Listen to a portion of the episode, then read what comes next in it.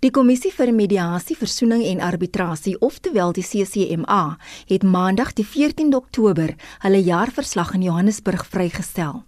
Byna 200 000 klagtes is vir die jaar 2018-2019 ontvang en hulle het daarin geslaag om meer as 40% van die klagtes suksesvol af te handel met werkers wat hulle werk behou het.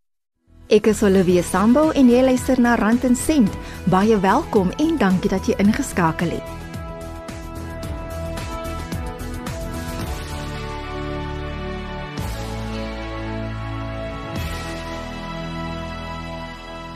Die meeste klagtes wat die kommissie vir mediasie, versoening en arbitrasie ontvang het, is vanuit die sake sektor met die minste klagtes in die boubedryf. Die meeste afleggings is in die mynwese en die boubedryf. Maar Ian Scott, hoof van vaste rentedraande instrumente by Momentum in Centurion, glo egter daar is sekere sleutelpunte waarop die regering kan fokus om werkskepping te bevorder die e-visas en die visumregulasies in Suid-Afrika en hoe ons toeriste inkry. Sjoe, ek dink ons het net heeltemal aan die verkeerde pad geloop en ons moet dit nou regmaak. Dis 'n maklike ding om eintlik reg te maak om te sê, ag man, ons skrap die visums. Ons ons kry e-visums vir mense in China om maklik visums vir Suid-Afrika te kry. Ons wil nie toeriste hê nie want toerisme is een van daai sektore in Suid-Afrika waar as ons dit net vinnig kan regkry, kan ons verskriklik baie mense in diens neem en ons hoef nie hoogs geskoolde mense noodwendig te hê nie. Ons kan mense van alle geskoolde vlakke kan ons in diens neem. Ons moet hulle net 'n bietjie oplei hoe om die hele toerisme ding te doen. Nou dis 'n maklike wen. Ek dink die ander maklike wen is digital migration, die spectrum. Ek lees nou die dag hulle gaan dit in Mosambiek in 2 jaar doen. Ek dink daar's allerlei sulke maklike wenne wat ons in Suid-Afrika kan doen. Ja, Eskom sit seker 10 teen aan die ander kant. Dis 'n moeilike wen. Dis 'n hoogs tegniese ding. Die probleem wat jy natuurlik het om van hierdie goeders te doen, moet daar ongelukkig polities onaangename besluite geneem word. Na wat ons oor die laaste 10 jaar belewe het, is daar miskien nie altyd meer soveel maklike besluite nie en ek dink ons raak aan daai hoek gedryf waar die mense wat in beheer en bestuur is moet ook besef ons moet die moeilike besluite maak, maar ons moet die regte besluite maak. Dit help nie ons karring aan soos ons aangaan nie, maar ja, daar is maklike wenne en ek ek kan amper nie sien hoekom kan ons dit nie implementeer. Wat is die verskil tussen 'n tegniese resessie en 'n resessie? Nou gaan jy op die velde van ekonome en nou gaan 'n paar ekonome my seker wil wil slag as ek moet sê 'n resessie is, is die werklikheid dat die ekonomie op die grond, die man in die straat, die groei van die ekonomie gaan agteruit, nie vorentoe nie. 'n Tegniese resessie volgens my is is maar eintlik maar 'n statistiese metode van hoe die BBP groei bereken word. En jy het nou twee kwartaale wat jy nou BBP negatief bereken het. En dis nou 'n tegniese resessie maar op die man op die straat voel nie regtig dat die ekonomie agteruit gegaan het nie. So 'n resessie is werklik 'n tegniese resessie is maar hoe hulle die die nommers nou maar eintlik bereken by Stats SA dat jy nou twee kwartaale ek wil nie tegnies raak nie maar jy het nou wat hulle noem base effects in en nou volgens daai base effek van 2017 op 2018 het jy nou 'n negatiewe nommer gehad. Dis nou 'n tegniese resessie. Dis so dis nou eintlik 'n wiskundige som wat gemaak word waar 'n resessie is is 'n werklikheid in die ekonomie. So wat belangrik is is is in Suid-Afrika en ek dink dis iets wat die Reservebank groot bekommerd is is dat ons werklik in 'n in 'n lae groei omgewing is. So jy weet ons moet seker noord van 3% groei. So resessie nie resessie nie is is nie vir my noodwendig die belangrike deel nie. Die belangrike deel is ons moet uit hierdie groei slamp wat ons het hier uitkom. Ons moet na daai 3% groei nommers toe kan gaan om, om Suid-Afrika se probleme te probeer oplos. Na die finansiële krisis in 2008 het talle kenners voorspel dat die volgende krisis in 2018 gaan gebeur. Maar is dit werklik moontlik om te kan voorspel wanneer die kapitaalmarkte weer ineen gaan stort? Waarvan jy praat is eintlik die opbrengskurwes. So wat is die realiteit? Nie elke opbrengskurwe wat ons noem wat inwers gaan nie. So so wat jy eintlik het is as jy dink oor die termynstruktuur van rentekoerse, kom ons hou dit eenvoudig, 'n 10 jaar rentekoers moet natuurlik hoër wees as 'n 1 jaar rentekoers en 'n 30 jaar rentekoers moet natuurlik nou hoër wees as 'n 10 jaar. Dis wat ons noem 'n styl kurwe, reg? Wat is op die oomblik die realiteit in die wêreld? Die 10 jaar koerse en die 30 jaar koerse is onder die 1 jaar koerse. So die kurwe lyk heeltemal omgedraai.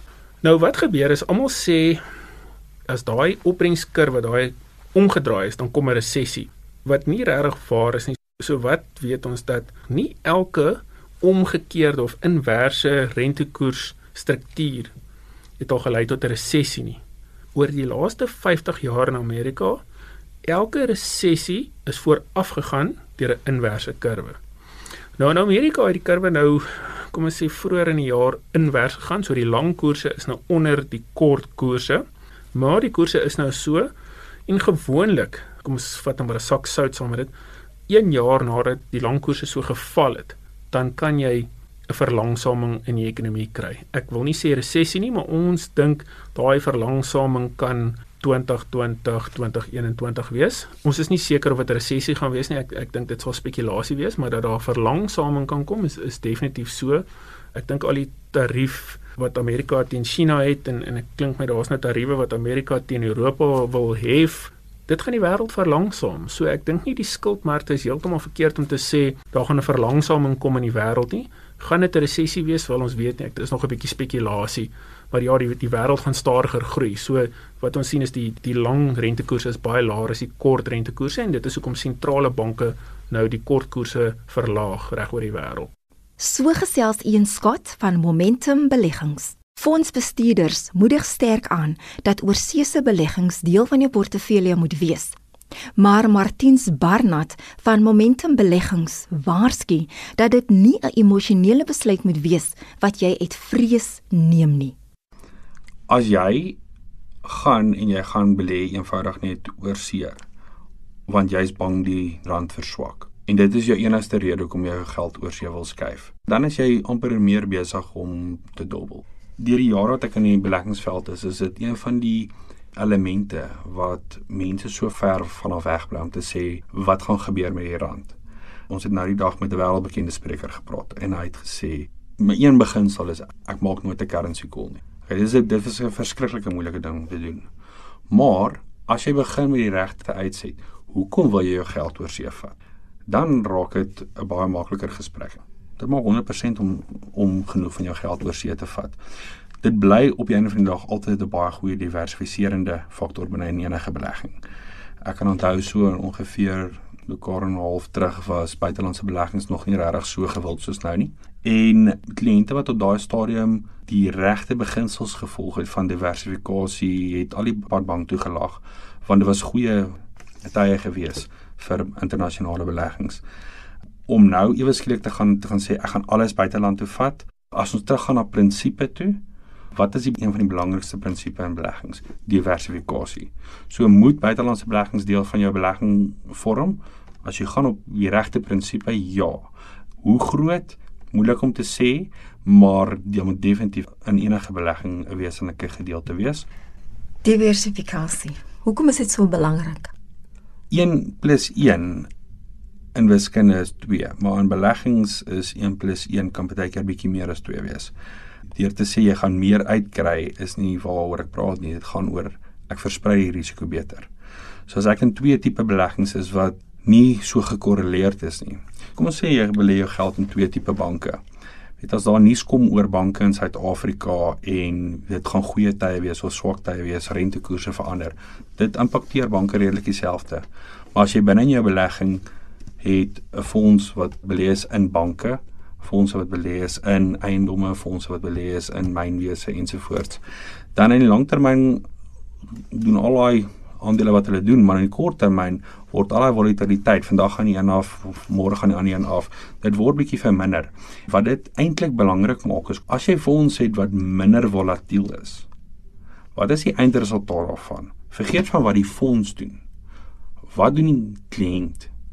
Die kliënt se reaksie van ek belê en ek kontrak, ek belê ek kontrak, dit word minder in fondse wat goed gekorreleerd is of goed gediversifiseerd is. So jy maak die behavior gap of die behavior tax wat die kliënt betaal as gevolg van sy sy impulsiwiteit op sy belegging verminder jy deur vir hom diversifikasie in te bring. So dis nie net die wiskundige nie, dis ook die die psychological effek daarvan op 'n kliënt se belegging. Dit was Martiens Barnard, aktuaris by Momentum Beleggings. Die landbousektor net so swart ekonomiese bemagtiging is om al die verkeerde redes in die nuus, ten spyte van al die positiewe verwikkelinge in die bedryf. Dis 'n komplekse sektor met vele fasette en uitdagings en samewerking tussen die verskillende sektore binne die bedryf word ten sterkste aangemoedig. Die primêre en belangrikste rede of beweegrede om boer te wees, om in die landbou te wees, is om kos te voorsien en is om te voorsien sodat daar nie mense hoef te wees wat honger is en honger ly nie. Maar om dit moontlik te maak en om voedselsekerheid daar te stel, is 'n kombinasie van 'n klomp goed nodig en moet dit aanwesig wees. Een daarvan is die regering se persepsie en die regering se bydrae. En een van daai bydraes is om die agting, die respek vir die boerdery en vir die landbou weer terug te verkry, te laat herleef vir wat dit werd is as die voorsieners, die produsente, die industrie wat die belangrikste funksie vertolk van al die industrieë in 'n ekonomie en dit is om kos te voorsien, kos te produseer. Want as hulle dit nie genoeg doen en goed genoeg doen nie, dan staan die regering om elke liewe kos wat geproduseer staan te word te moet invoer teen buitelandse valuta kostes wat veel duurder gaan wees as wat dit sou kos om eerder die binnelandse of dan jou eie boere en jou eie landbouindustrie op 'n manier te subsidieer en te voorsien van wat hulle nodig het om genoeg kos te produseer vir die mense in jou eie land. Die vooroordeele wat bestaan wie grond besit, wie hulle mening is die landbouers moet wees in die toekoms en soos moet uit die weg geruim word en dit moet van hulle kant af eers te kom om te wys maar ons is besig om te verander. Regerings, nie net in Suid-Afrika nie, reg oor die wêreld, gaan kyk uitsluitlik na net een maatstaf om te bepaal hoeveel agting of hoeveel waarde heg hulle aan 'n gegeewe industrie. En hulle gebruik as maatstaf bruto binnelandse produk. En watter bydra persentasie gewys in industrie se bydra tot die bruto binnelandse produk, dit word as die gegeewe geag. Nou landbou se bydra tot bruto binnelandse produk in vergelyking met ander industrieë is by verre die minste. Maar dit is nie die rede en die agting wat die landbouindustrie behoort te verkry vanaf die regering of vanaf regerings op sigself nie, want die addisionele betrokkenheid van landbou om werk te skep vir mense wat nie die vaardighede het of wat nog beperkte vaardighede het, beperkte kwalifikasies het, nie skool klaar gemaak het en dis meer in enige land wat hoë vlakke van werkloosheid het, is dit een industrie wat beter as enigiemand van die ander industrieë daardie werk vir daardie ongekwalifiseerde, onvaardige werkers kan skep en geleenthede kan bied om daarin geabsorbeer te kan word. Is daar kritieke vaardighede wat tekort is in die landboubedryf? Ja, definitief. Dit is 'n welbekende feit dat landbou nie net in Suid-Afrika nie, maar in alle ander lande was die industrie wat in die konteks van werkskepping die werk geskep het vir hoofsaaklik jou nie vaardige of dan basies vir arbeiders of werkers wat geen vaardigheid het nie om vir die unskilled en die semi-skilled werkers 'n geleentheid van werk te skep. Maar dit was in die begin in die vroeë dae van landbou, veral hier in Suid-Afrika, waar met relatief beperkte kennis en kundigheid jy nog steeds 'n boerdery aan mekaar kon hou en aan mekaar kon sit en verder kon uitbou. Maar soos wat juis in die dag en tyd waarin ons leef, daar vordering gemaak is met nuwe ontwikkeling, tegnologie en die toepassing van tegnologie, dit noodsaak die industrie om mense in diens te kry en die geleentheid te bied om in diens te kom wat baie beter vaardig is, wat nou opgelei is en wat hulle self onderskei het en gespesialiseer het in spesifieke areas waar hulle nou benut en gebruik kan word binne in die landbou. Mense wat as personeel deel kan gooi en hulle gewig kan kom ingooi in die landbou en in boerdery en in boerderyondernemings het wil ek sê in die afgelope 50 jaar handomkeer verander. Soveel so dat daar amper nie eens meer 'n plaas dink ek bestaan in Suid-Afrika wat van een enkele arbeider of werker kan gebruik maak wat geen vaardigheid het nie. Elkeen van jou werkers, dis jou kosbaarste skat. Jou menslike hulpbron is vir die boer die belangrikste. Nie net die lojaliteit en omdat daai mense familie geword het in jou hele boerdery en in jou hele boerdery se se opset nie, maar om hulle ook te bemagtig en te bevorder in die konteks van hulle opleiding. Dit was Rian Aghenbach hoofuitvoerende beampte van Aghenbach All Trade Beslote Korporasie. Omri van Sail, uitvoerende hoof van Agri SA, sê Suid-Afrikaanse boere se kundigheid strek alreeds tot groot voordeel van die land en hulle werk ook aan langtermynstrategieë om die ekonomie verder te steun. Ons is die enigste land ons in Gabon, maar dis 'n klein landjie, die enigste land in Sub-Sahara Afrika wat voedselseker is wat 'n net surplus uitvoerder is van voedsel. En dit is as gevolg van ons boere en en wat die boere doen op die grond. So die voedselsekerheidsprobleem in Suid-Afrika en in Afrika as 'n wesenlike een. Jy weet teen 2050 gaan 'n derde van die wêreld se bevolking in Afrika wees. Ek het nou 'n bietjie navorsing daaroor gedoen. Daar gaan byvoorbeeld 'n uh, 143 miljoen climate change refugees wees van mense wat wat net dood eenvoudig deur droogtes en goeters refugees gaan word want daar gaan nie meer kos wees nie. En dan as jy dit terugbring na Afrika toe, as jy kyk na Afrika se se landbou uitset, is dit kommerwekkend laag behalwe in Suid-Afrika. So een van ons strategieë is, is om Suid-Afrika te posisioneer as, 'n Singapore vir navorsing en ontwikkeling, vir landbou-investering en baie internasionale maatskappye gebruik ons klaar as die anker om te kyk na ander Afrika lande en ander Afrika ontwikkeling. Ons is ook besig met 'n landbou-instituut wat ons saam sit waar ons opleiding en ontwikkeling want ons wil baie meer boere in die sisteme inkry. En en ek dink dit is van kardinale belang want die, die vraag is wat gebeur 10 jaar wat gebeur 15 wat gebeur 20 jaar van nou hoe lyk dit dan?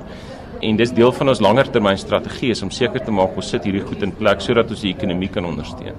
Wat doen julle nou die ontwikkelinge wat nou plaasvind in landbou? Christo van der Rede my kollega hy, hy dryf die professionele boerdery instituut waar ons kyk na opleiding, ons kyk na ontwikkeling. Ons het nou 'n hele paar opleidingsprojekte wat ons van stapel stuur. Ons kyk na hoe ons dele in die land kan produktief kry wat nie is nie. Uh, ons trek die universiteite saam, ons trek klomp verskillende rolspelers wat ons het laasweek 'n kolokwium gehad met die universiteite en die private sektor en gesels oor hoe gaan ons die die brug oorkruis van fundamentele versus praktiese navorsing vir die sektor. Uh, hoe kan ons mekaar vind? Hoe kan ons meer saamwerk? Hoe kan ons ons die intellektuele kapasiteit van van die sektor uh, ontsluit en die silo's wat daar bestaan binne in die sektor self afbreek sodat ons een platform het waarop ons dit kan doen. Dit is een deel van ons strategie, maar as ons dit kan regkry, gaan ons al klaar van grondvlak af 'n groot verskil maak in terme van landbouontwikkeling. So ek dink dis baie belangrik vir ons as 'n oplossingsgedrewe organisasie. Ons wil 'n verskil maak in Suid-Afrika. Ons wil aanhou boer. Ons wil leef. Ons wil mense hoop gee. Dit was Omri van Sail van Agri SA. Ek is Olivia Sambo en ek groet tot volgende Sondagmiddag om 5uur hier op Rand en Sent RSG 100 tot 104 FM.